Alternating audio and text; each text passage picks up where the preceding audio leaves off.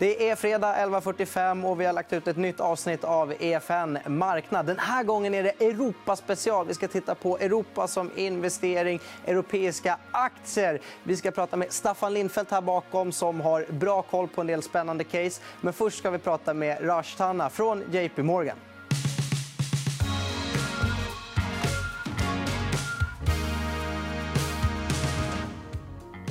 First off, we're going to talk to Raj uh, Tanna. Thank you for being with us today.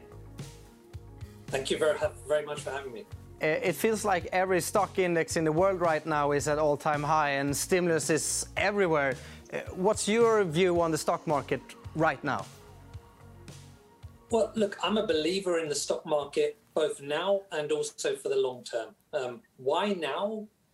Despite the run that we've had, and remember, we're coming off a very, very low base from a year ago after the initial outbreak of the pandemic in the developed world. So that recovery might seem powerful, but just remember when you look at indices on a two, three, four year view, it's a more measured return. So that's the first thing to bear in mind. The second thing is also why do I like stocks, particularly now? The valuation. If you look at stocks on a cash flow based methodology, which we do, the free cash flow yield, the cash flow that comes back to you as shareholders, is somewhere between 4 to 6% across developed market equities, which compares very favorably, obviously, when you think about any other asset class, especially fixed income. And remember, those cash flows grow over time. And that brings me back to the, the most important point that I made. This is an asset class that you want to own for the long term. It grows, it's a real asset class that delivers you growth and those growth or that growth is driven by profit growth you know very highly correlated to obviously economic growth. But there are so many important structural trends undergoing um, you know in the economy right now you know through which the stock market benefits. Sorry long answer to a very small question. Yeah but why do you uh, like to look at the cash flow so much? Cash is king. Um, I, you know one of my lecturers used to say that when i was at university cash flow matters so much. It is the true profit. And it is what we are obsessed about when you think about, you know, our fundamental research process. The other reason why cash flow is important, because a big part of cash flow um, comes back to you as shareholders in the form of dividend. And again, right now you can pick up, you know, anywhere from three to four to five percent dividend yield um, from many areas of the market. Do you think that investors look too much on earnings and too little on cash flows?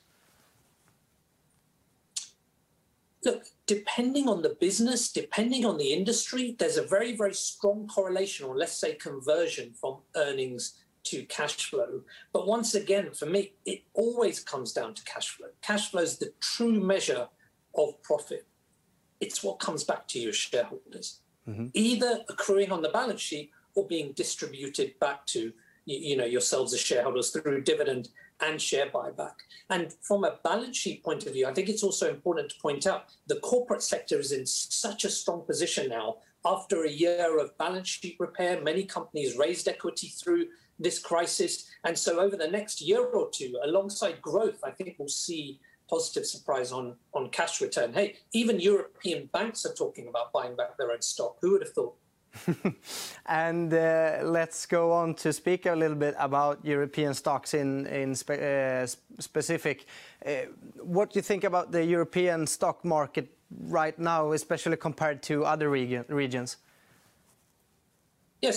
When I was talking about that free cash flow yield, the cash flow that comes back to you as shareholders, developed stock market indices, as I said, have a sustainable free cash flow yield right now of 4%-5.5%, 6%.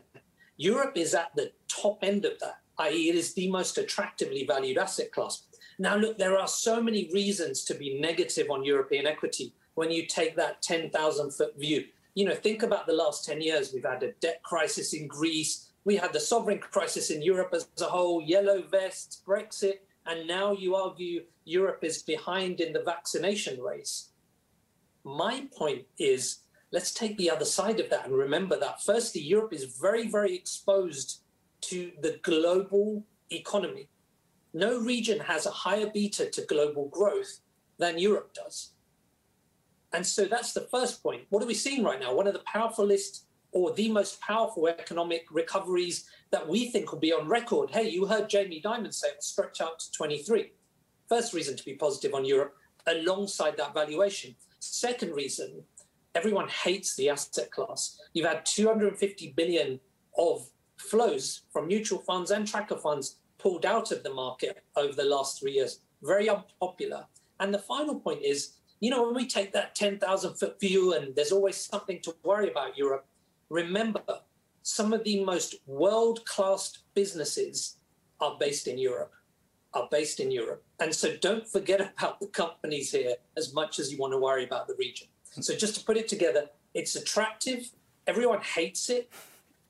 It's so exposed to global growth where we've got a powerful recovery and you've got some of the best companies in the world. Why, why wouldn't you like the region? Um, would be my uh, question to you in response to the question you asked me. But, but it feels like the last uh, 15 years, Europe has fallen behind the US if you look at the stock performance. But maybe it's time for a comeback then.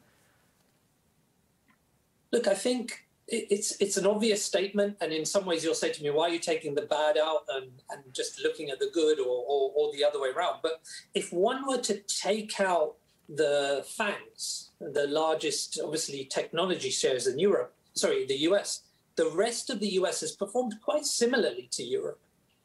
Okay, um, so that would be the first thing. Don't forget the index bias that the US has towards technology. Um, but look, I am not here to make a distinction between, let's say, owning Europe over the US.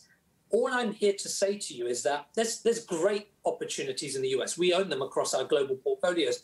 But I'm also here to say to you, there's some fantastic businesses in Europe to also own.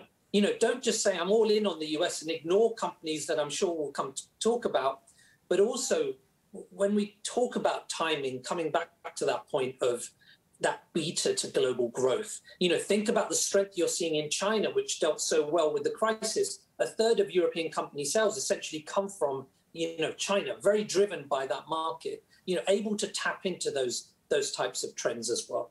So, not not saying Europe over the US. I'm saying great opportunities in both markets. Just not to ignore Europe, particularly when we've got a global recovery ahead of us. Is there any sector in Europe that you specifically like? There, are many. There are many. Um, we just talked about technology, you know, and and we always think about the FANGs. And so the first point would be the FANGs wouldn't be the FANGs without European technology companies. One of which, key part of the portfolio, ASML, which is a monopoly positioned company in the manufacturing of semiconductor equipment, the, the, the equipment that goes into the chips that drive these types of things. So that's the first thing. No, the fans couldn't do what they did or do without a company like ASML. So semiconductors, number one sector. Number two, think about consumer discretionary. Where are you seeing the most powerful recovery right now globally in consumer spend? A lot of that spend, as we've been sitting in lockdown, has been diverted into consumer product. Alongside that, China comes out of this crisis, fantastic recovery in spend. Louis Vuitton, Moet Hennessy. Um, I, I, know I should talk about diversification, but one stock portfolio. Uh, you've seen a business that has some of the oldest brands in the world, but is so innovative in the way it approaches, you know, selling pop-up stores, partnerships with Rihanna, you know, social media collaboration like that. Uh, and you see growth like you did when they announced their earnings yesterday 30% organic revenue growth. So that's the second area, consumer discretionary. And look, I could carry on going. Um, but the final one I'd want to leave you with is we, we talk about megatrends. And whenever you think about megatrends, great growth trends for the future, you always think about the US. Well, here's one that Europe leads the trend in offshore wind power. And so, what do you have? You have offshore wind being the technology that is most likely to replace fossil fuels over time. And you are talking about a technology and industry in its infancy. We think this industry grows 13% per annum all the way up to 2030, thinking about the number of governments that have chosen offshore wind to meet the Paris Accord um, Europe leads this.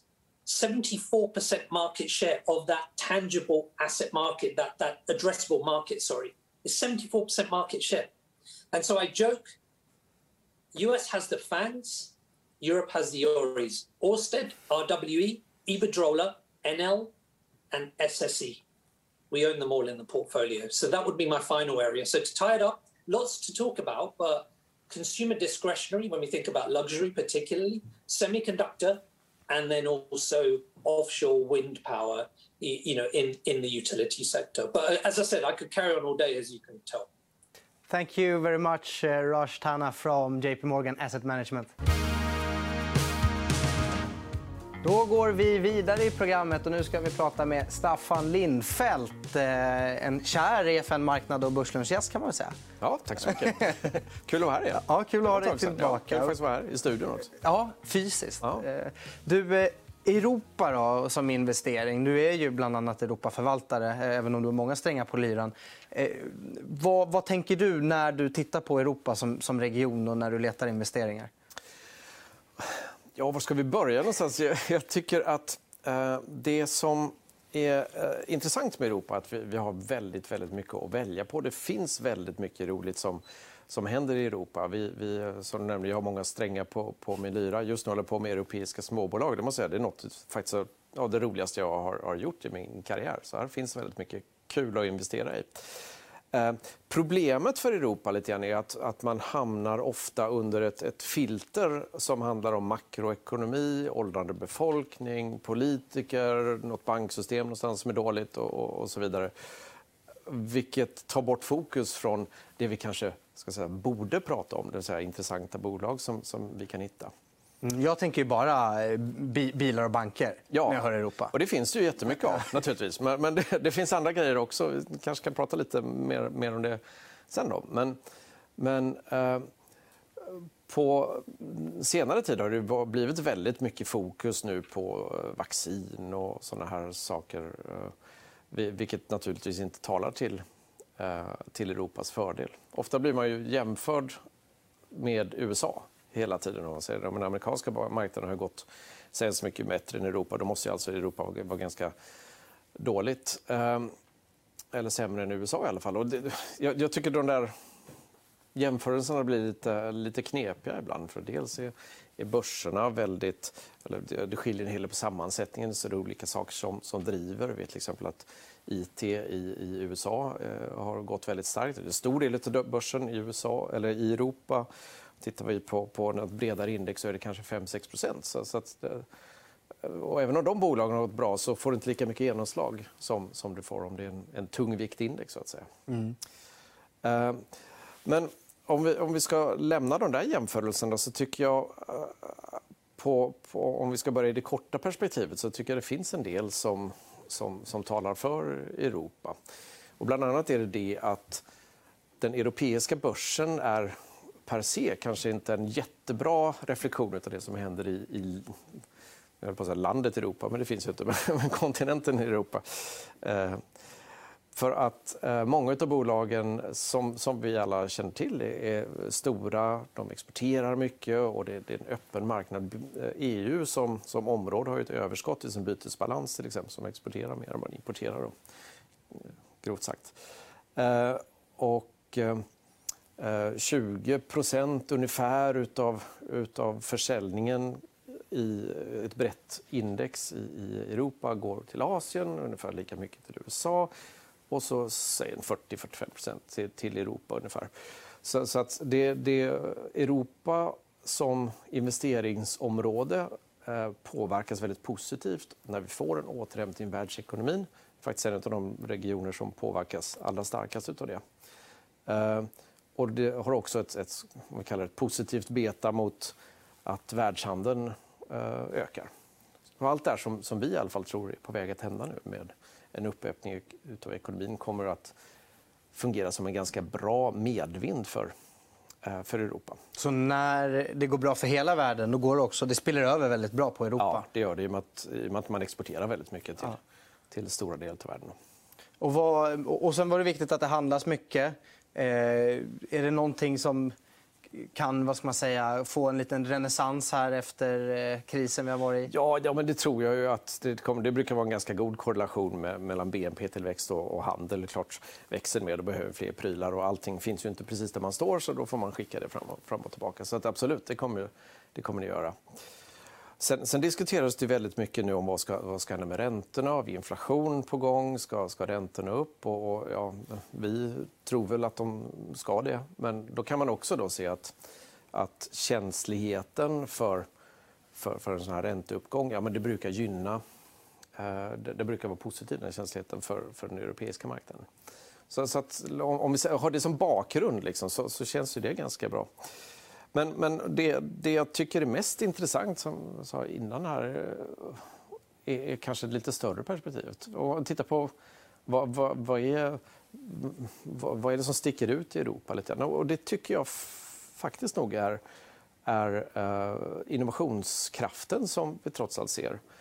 Uh, naturligtvis har, har mycket hamnat i, i bakgrunden av de här fantastiska, spektakulära eh, succéerna vi har sett i USA. Och, och, eh, jag vill verkligen inte att det ska vara någon så tävling, det ena är bättre än det andra. Liksom, så här, men, men, men det sker väldigt mycket positivt i Europa också. Tittar man på sådana här globala innovationsindex som man tittar på, ja, men då, är, då knips ledarplatserna av europeiska länder. Just i det här indexet man tänker på nu så tror jag att eh, Schweiz och Sverige faktiskt låg, låg högst upp. Så man pratar för lite om europeisk tech? Ja, det behöver inte vara tech. utan vi, vi, Det uppfinns ju inom massa, massa olika områden. Det kan vara läkemedel, det kan vara teknologi eller det kan vara eh, produktionsrelaterat, verkstad och så vidare också. Men, men eh, det, det finns en kraft där. Och det bygger ju mycket på att det finns en, en välutbildad arbetskraft och det, det är väl fungerande samhälle, så det finns en stabilitet. Det där brukar vara ganska bra grogrund för för, för, för kreativitet och innovationer. Mm. Och är det något, är den här, de här, ja, förutom att det finns de här mätningarna där vi kniper första platsen mm. i, i, Europa, ser du det i bolagen som du är ute och träffar också, att det finns en väldigt stark innovationskraft? För du har ju även följt bolag från alla möjliga typer av världen, så du borde också kunna sätta in det i någon jo, slags det, det, jo, det, det, gör man ju. Det, det finns jättemycket spännande, men det, det är ju, som du säger, det, det finns ju lite överallt i, i, i världen. Så att... Uh, Eh, Eh, det är klart vi sätter på dem i Europa, men även på andra ställen också. Men, men ett bolag som jag tycker är lite, lite kul på det här temat det, det är ett som vi har då nyligen investerat i, i, i vår fond som heter IP Group. Det är ett, ett engelskt eh, bolag eh, som eh, är knutet till en hel del universitet. De har, de har avtal med dem. Eh, och det är de här du känner till i England. Det är Oxford, och, och det är Cambridge, och det är Bath University och, och Imperial College. Och, ja, hela bunten. Liksom. Eh, de har faktiskt också nu skaffat eh, avtal med en del amerikanska universitet som John Hopkins och Princeton och några i, i Australien också. Men vad de gör då är att, att de eh, jobbar, i och med att de är nära universiteten, så kan de ganska snabbt identifiera intressanta bolag som, som startas upp runt universiteten som bygger på, på forskning som man, som man då har sponsrat eh, på, på universiteten. Eh, och, eh, kan man säga att ja, men här verkar vara en intressant potential och så kan man ta en liten, eh, liten position i det. De går in väldigt tidigt, ja, de går in tidigt. omogna bolag? Ja, så omogna bolag. De har hållit på ett, ett tag och har nu en relativt stor portfölj. Det är väl drygt 100 bolag. Vill, sådär. Och, eh, senast jag tittade på den så var ungefär 50% av den portföljen över åtta år gammal. Så att det börjar bli dags att, att kanske skörda lite. Ja, för om, om, om man tittar eh, sen noteringen så har ju inte performance hittills imponerat jättemycket. Nej. Men man kanske tittar i för kort perspektiv, då, för de har inte varit jätte, jättelänge Nej. Nej, men så, så kan det nog vara. Ibland byggs det upp hyper och så vidare som, som liksom ändras, ändrar riktning efter ett tag. Eh, men eh, i nutid då så har de eh, börsnoterat ett av sina innehav, Ceres Power, som håller på med eh, bränsleceller. Det finns, finns ju noterat, det har de gjort en exit. Och eh, nyligen annonserades ett, ett av deras större innehav som heter Oxford Nanopore. Eh, nu håller på att förbereda sig för en IPO också. Oxford är ett sånt, Nanopore är ett sånt bolag som ligger, ligger i, i tiden kan man säga i och med att de har utvecklat ett, eh, vi kallar det ett användarvänligt sätt att eh, göra sekvensering av DNA på, på eh, till exempel virus. Och det har ju varit väldigt topical i år, minst sagt. Eller ja, förra året och i år. Eh, och eh, de hävdar själva att de står för globalt ungefär en, en femtedel av all sekvensering som vi gjort av covid-virus. Det är rätt häftigt det där när man kan göra det, för då kan man ju börja bestämma och försöka fundera på var kom just den här virusinfektionen från. Och så när vi pratade med dem för ett, ett tag sedan så, så berättade de att de kunde spåra att ja, men det här utbrottet ja, men det har att göra med den där fotbollsmatchen som, som var där. För det kunde man då spåra med wow. de här DNA-spåren man, man hade plockat fram. Upplever du att de får bra betalt för det de gör exit ifrån? Då? Att de är nöjda med den performance? Ja, det tycker jag nog. att de säger. Sen kan det ta lite, lite, tid och det kan vara lite chunky. Ibland kanske inte några exits och ibland är det många. och så där. Men, men de har väl pratat om en, en avkastning eh, runt på, på portföljen på runt 10 någonting eh, över tid. Per år? Per år, ja. ja. ja det, och det är, det är man väl ändå? Det får man väl ändå vara, vara, vara hyggligt nöjd med. Det, det är ungefär vad de har guidat för. Så får man se. Ibland kan det bli mer, ibland mindre. Sådär. Mm. Eh, ska vi gå vidare i, i bolagsskörden? För det är några fler bolag som du jag vet att du ja, gillar. Nej, men det, det, som sagt, det händer ju mycket på, på innovationsfronten. Och något som är väldigt... Eh, som har nästan blivit någon, någon eh, affischpojke eh, här för, för eh, problem i, i värdekedjorna har ju varit det här med halvledare. Eh, och där är Europa ganska, ganska starka trots allt. Naturligtvis så, så mycket görs i Asien och tillverkas där men, men Europa är med på ett hörn när det gäller att, att tillverka ja, dels några halvledare, Infineon och så vidare. Men, men framförallt kanske inom equipment. ASML är ju världsledande på, på, på sin eh, litografiutrustning. Och då gillar du ett bolag här, ett gäng holländare? Ja, ett gäng holländare. Ja. Uh, uh, nej, men vi, vi uh, tycker om ett bolag, eller jag tycker om, vi har investerat i ett bolag som heter ASM International.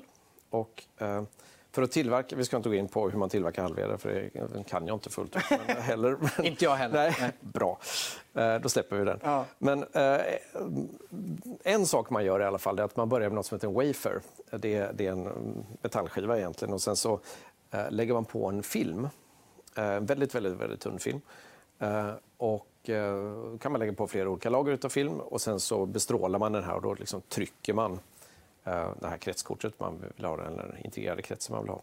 Och lägga på den här filmen då är ganska eh, precisionskrävande kan man säga. Eh, och det här ASMI är, eh, då, eh, är marknadsledande på vad som kallas för eh, ALD, heter det, Atomic Layer Deposition. Så att man lägger på en tunn, tunn, tunn, tunn, tunn film på den här halvledarplattan. Och den är alltså en atom tjock.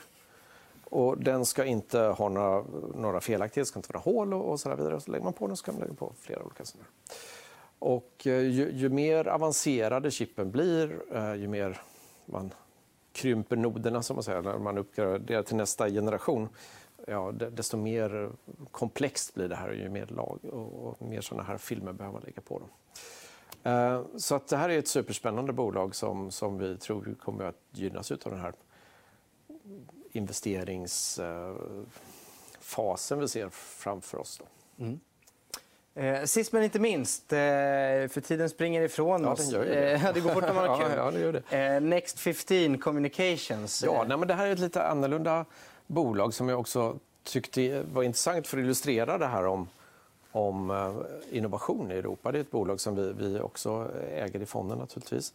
Eh, ett engelskt bolag. Eh, det är en, eh, de jobbar med företagskommunikation och det här har blivit väldigt komplext. För några år sedan, om vi backar väldigt många år, som om man raljerar lite så var det bara att ringa till en annonsbyrå och säga kan ni sätta in lite i tidningarna och kanske någon tv eller något på stan. Sådär. För det var de medierna som, som fanns då. Nu finns ju oändligt många medier helt plötsligt. Och, och, det kan bli svårt att veta hur du ska spendera dina pengar bäst. Här hjälper eh, Next 15 med till. De har väldigt mycket digitala hjälpmedel. De kan plocka in data, analysera, titta vad som fungerar. De, har funktioner som kontrollerar att du inte får samma annons 51 gånger i, i olika medier hela tiden utan att det, det, det, ser, att det sprids på ett vettigt sätt. De kan hjälpa dig att bygga ditt brand, de jobbar med investerarrelationer och så vidare och gör allt det här liksom väldigt bra. Men det som jag tyckte var lite extra spännande med, med det här bolaget då, det är att de i, eh, under hösten förra året köpte en, eh, en eh, byrå, kan vi kalla det, i, i USA som heter Mac49. Och de ska jobba med, med, det som de kallar för Innovation Consulting. Och vad är det då? Jo, som, som vi säkert har pratat om en miljon gånger i, i, i olika EFN-sammanhang så, så, är det väldigt mycket disruption där ute. Någon annan hittar på en ny affärsmodell och ser plötsligt så är den gamla etablerade spelaren väldigt utmanad. Eh, det de, eh, Mac 49 har gjort är att de har byggt upp system eller processer, filosofier runt för att hjälpa stora bolag att själva vara den som eh, gör den här disruptionen för dig själv. Du, du, ska, du ska bli din egen värsta fiende. För att om inte du blir det så blir någon annan det, är, är tanken. Då. Och det de brukar säga är liksom, det finns ingen anledning till att inte Toyota skulle uppfunnit Uber eh, eller att Marriott Eh, skulle uppfunnit Airbnb. Men nu gjorde de inte det, av olika skäl. Det kan vara att man är rädd för, för att offra det man redan har för, för att skapa något nytt och så vidare. Men, men, med deras hjälp då så kan det i alla fall bli, bli enklare att, eh, att göra den här förändringen i bolaget. Eh, så där tänker då eh, Next15 växa till en, en relativt stor division. Just nu är det relativt litet, men, men man, man, ser ju behovet och jag tycker att det var var superspännande att höra och ska verkligen försöka lära mig lite mer om detta, hur, hur de jobbar mer i detalj. Ja. Lite längre fram. Ja, men väldigt spännande. Det är klart att man vill hinna före innan det dyker upp någon som sabbar ens affärsmöjligheter. Ja, exakt. Och jag kan också tänka mig att eh, Next15 kan hjälpa till lite med distribution av den här eh, tjänsten till gamla kunder de har haft för sina ja, men, att det finns lite synergier där? Ja, absolut. De, de, har ju en stor kundbok. De jobbar ju med de allra största. Så det är ju, det, det, ja, det är ett engelskt bolag, men de största delen av intäkterna kommer från USA om jag minns rätt. Och, och sen, de jobbar med Amazon, och Google och IBM och liksom alla de här också. Så det kan ju finnas rätt, rätt mycket intressanta ingångar. Mm. För även de bolagen börjar bli så stora nu så att snart kanske det kommer upp någon, någon disruptör där. De är ju trots allt börjar bli lite lite gamla nu. Exakt. Även om de rör sig fort. Inget vara för evigt. Nej, så är det väl. Och det gör tyvärr inte EFN Marknad heller. Men tack så mycket för att du kom hit, Staffan. Ja, tack för att jag fick komma. Mm. Eh, EFN Marknad är slut för idag, men vi är såklart tillbaka igen nästa vecka 11.45. Och då kommer vi ha fullt fokus på svenska aktiecase. Vi ses då. Hej!